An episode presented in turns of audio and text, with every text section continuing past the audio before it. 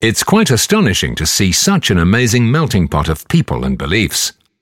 This surprised reaction can be found in a bestseller about Antwerp.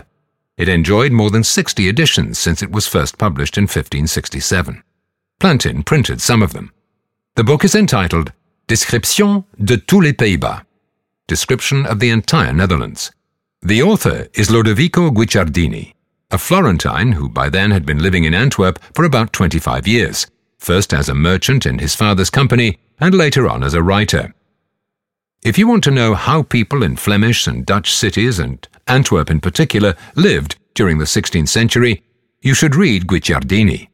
His book covers just about every subject economy, language, flora, fauna, food, national character.